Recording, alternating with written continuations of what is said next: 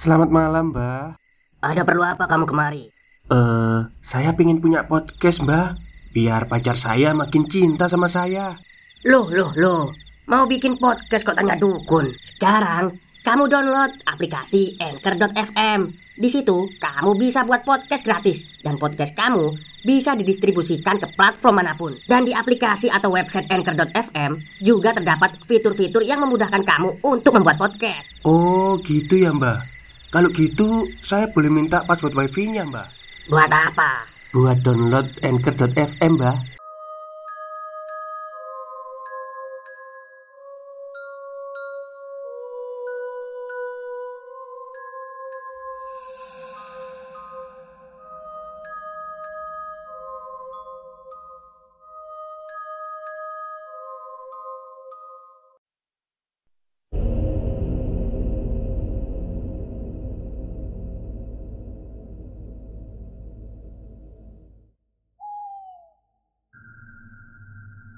Assalamualaikum warahmatullahi wabarakatuh. Halo semuanya. Jumpa lagi dengan saya Chow Sing Sing Kurator dari podcast Horror Night Story. Halo Apa kabar semuanya? Semoga kalian semua sehat-sehat ya. Dan seperti biasa pada malam hari ini Saya kembali dan akan menghadirkan sebuah kisah mistis untuk kalian semua Kisah mistis kali ini saya datangkan dari treat horornya Mika Yang menceritakan tentang arwah penasaran anak kecil. Oke Daripada kita berlama-lama Mari kita simak ceritanya. Kisah ini berlatar Bandung di tahun 2000 Nama tokoh dan lokasi spesifik telah disamarkan.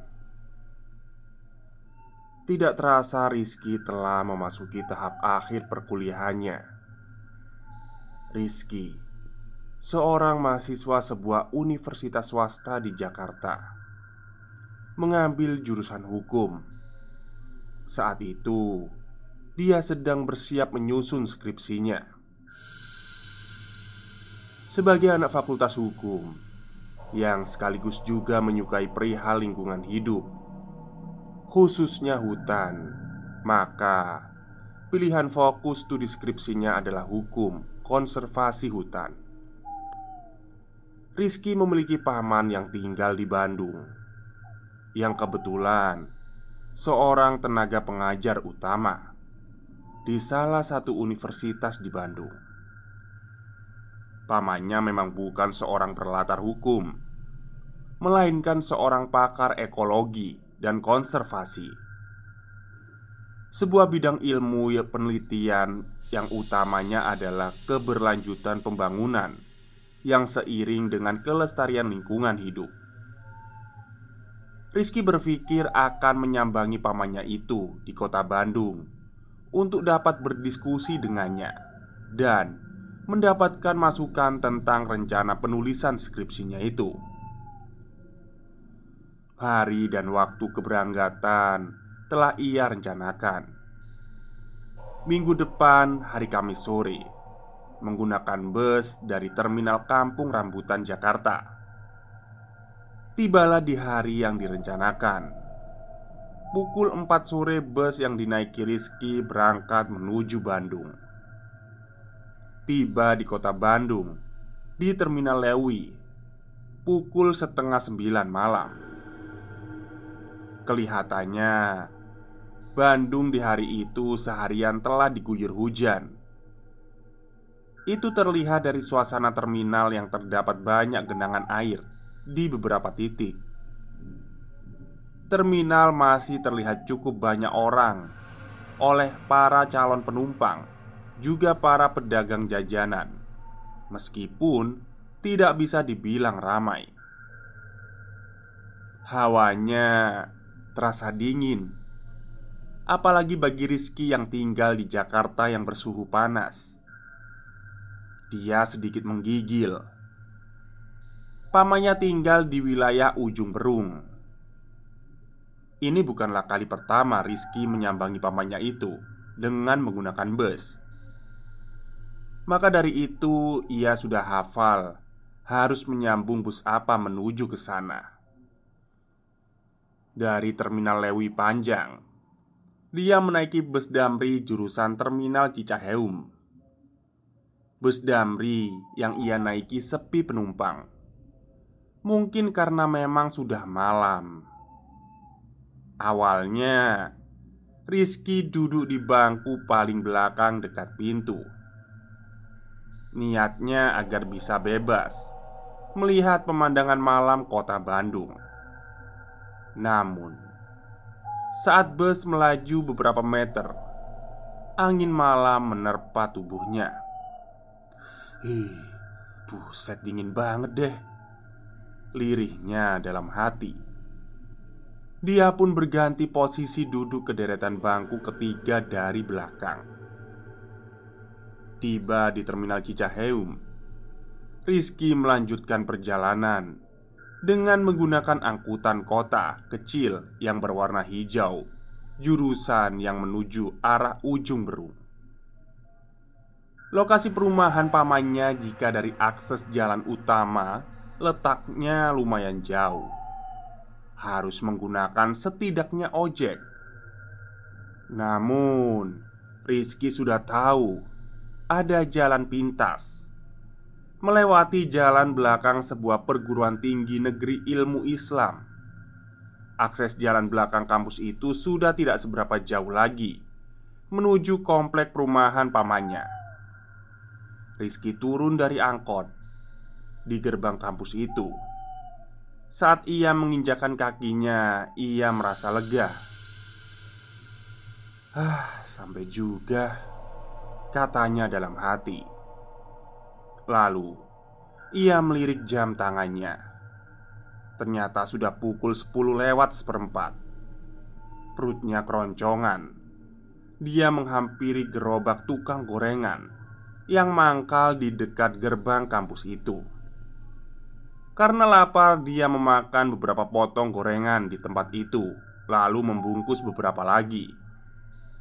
Rizky pun mulai berjalan Memasuki lingkungan kampus lalu keluar dari daerah belakang.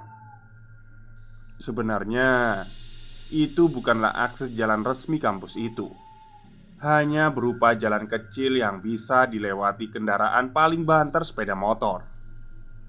Para mahasiswa yang ngekos di belakang kampus itu adalah pengguna utama akses jalan itu, lalu penduduk sekitar, dan juga orang lain. Namun, Rizky tahu ada jalan pintas itu dia dikasih tahu oleh saudaranya yang memang penduduk sekitar.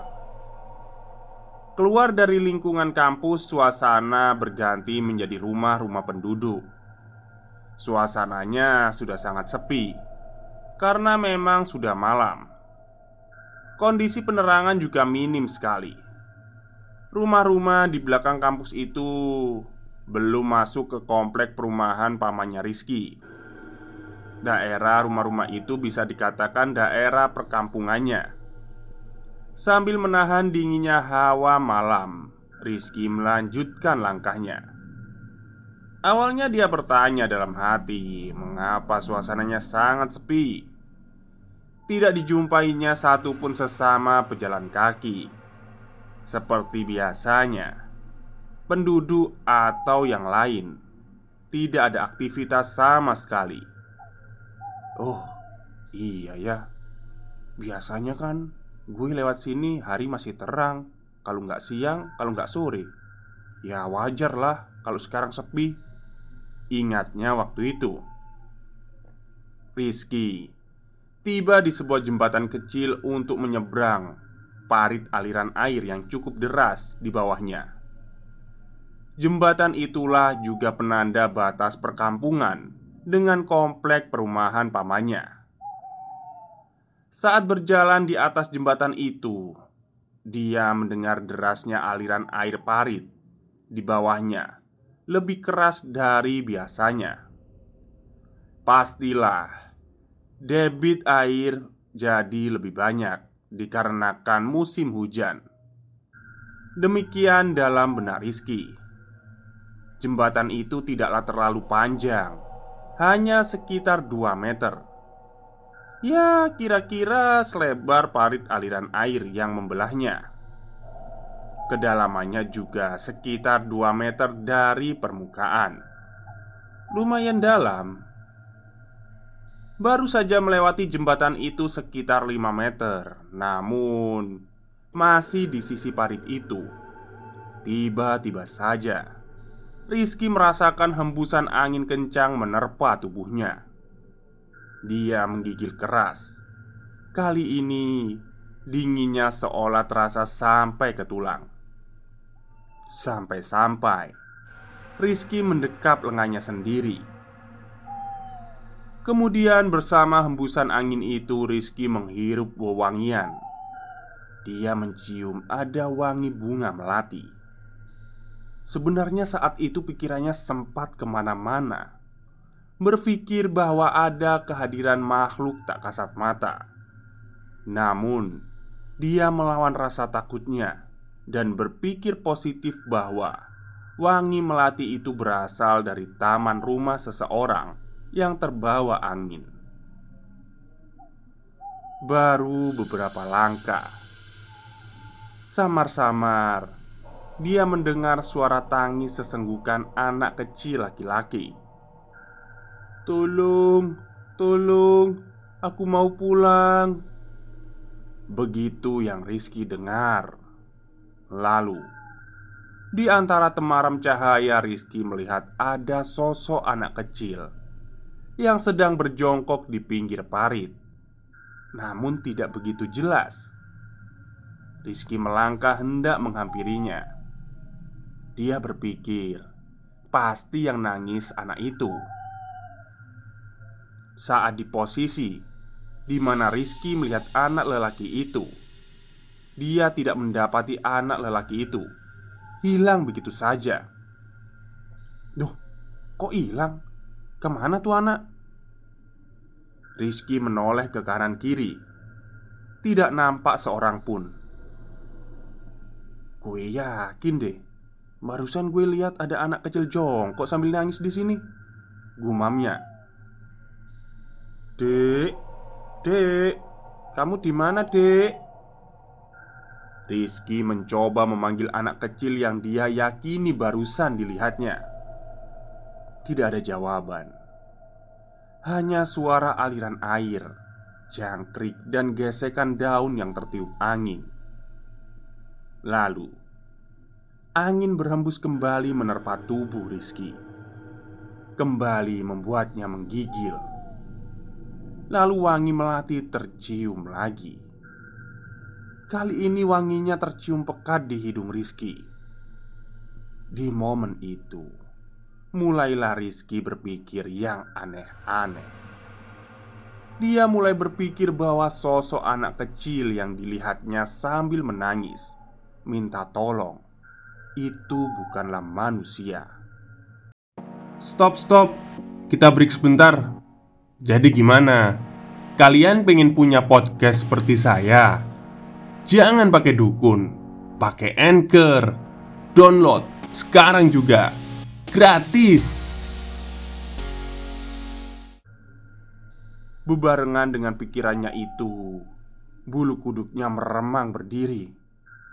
Lalu, Rizky mempercepat langkahnya. Bergegas, tidak sabar lagi ingin segera tiba di rumah pamannya. Saat jarak Rizky belumlah terlalu jauh dari situ Kupingnya kembali menangkap suara tangisan anak kecil itu lagi Tolong, tolong Sebenarnya dia ingin berlari karena takut Namun khawatirnya Nanti malah dikira maling Jika ada orang yang melihatnya. Mana ada? Orang lari-lari di malam selarut ini kan? Kalau terlihat orang pasti curiga kenapa-napa pikirnya. Setibanya di pagar muka rumah pamannya Rizky merasa lega Rasa lega yang berlipat ganda daripada saat sampai diturun di depan gerbang kampus itu Kemudian dia membuka pagar, lalu langsung memasuki teras rumah dan mengetuk pintu rumah pamannya itu. "Assalamualaikum, Wak, Wak," seru Rizky kepada penghuni rumah. Ua adalah sebutan kepada kakak orang tua kita dalam bahasa Sunda. Namun, ternyata tidak ada jawaban. Dia melirik jam tangannya. Dilihatnya hampir pukul 11 malam. Waduh, apa udah pada tidur ya? Pikir Rizky kala itu. Rizky mencoba kembali mengetuk pintu rumah. "Assalamualaikum, Pak Jajang, Pak Eli." Tidak juga ada respon. Dia mencoba sekali lagi. "Wak Jajang, Pak Eli, Assalamualaikum, ini Rizky, Wak." Pada percobaan ketiga, barulah Rizky mendengar ada suara dari dalam. Lalu terlihat gorden terbuka sedikit.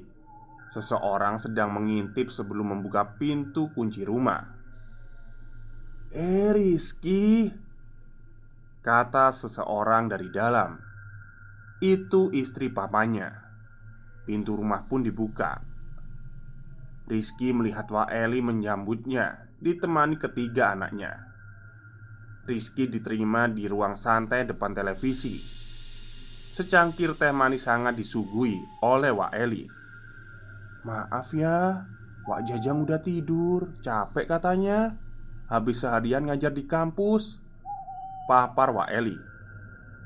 Ah, nggak apa-apa, besok aja Wak. Lagian, Rizky kan sampai hari Minggu di sini. Balas Rizky.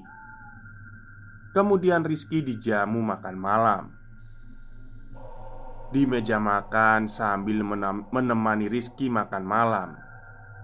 Waeli bercerita bahwa komplek perumahan sedang diteror arwah anak-anak, katanya. Empat hari yang lalu, sewaktu hujan deras di sore hari, ada anak kecil laki-laki yang hanyut terseret aliran air di parit dekat jembatan kecil. Anak kecil hanyut terseret air dalam bahasa Sunda disebut budak palit. Baru ketemu besoknya dan sudah menjadi mayat, kata Waeli. Sejak sejak mayat itu ketemu, malamnya ada suara anak kecil nangis sambil minta tolong dekat jembatan. Ih, Waeli takut, sambungnya. Makanya tadi Waeli juga minta maaf ya bukannya pintunya lama. Takutnya ada setan. Mana ini malam Jumat? Lanjutnya. Mendengar uraian cerita Waeli Rizky jadi sulit menelan makanannya Selesai makan malam Rizky pamit istirahat Rencananya baru besok dia akan menceritakan apa yang dia alami di jembatan tadi Saat hendak tidur Rizky sulit memejamkan matanya dia terngiang-ngiang suara anak kecil itu. Tolong, tolong, tolong aku Selesai. Baik, itulah cerita singkat dari tweet Twitternya Mbak Mika lagi ya. Dan kali ini menceritakan tentang arwah penasaran anak kecil yang hanyut di sebuah parit Baik, mungkin itu saja pada malam hari ini. Semoga kalian semua suka. Selamat malam dan selamat beristirahat.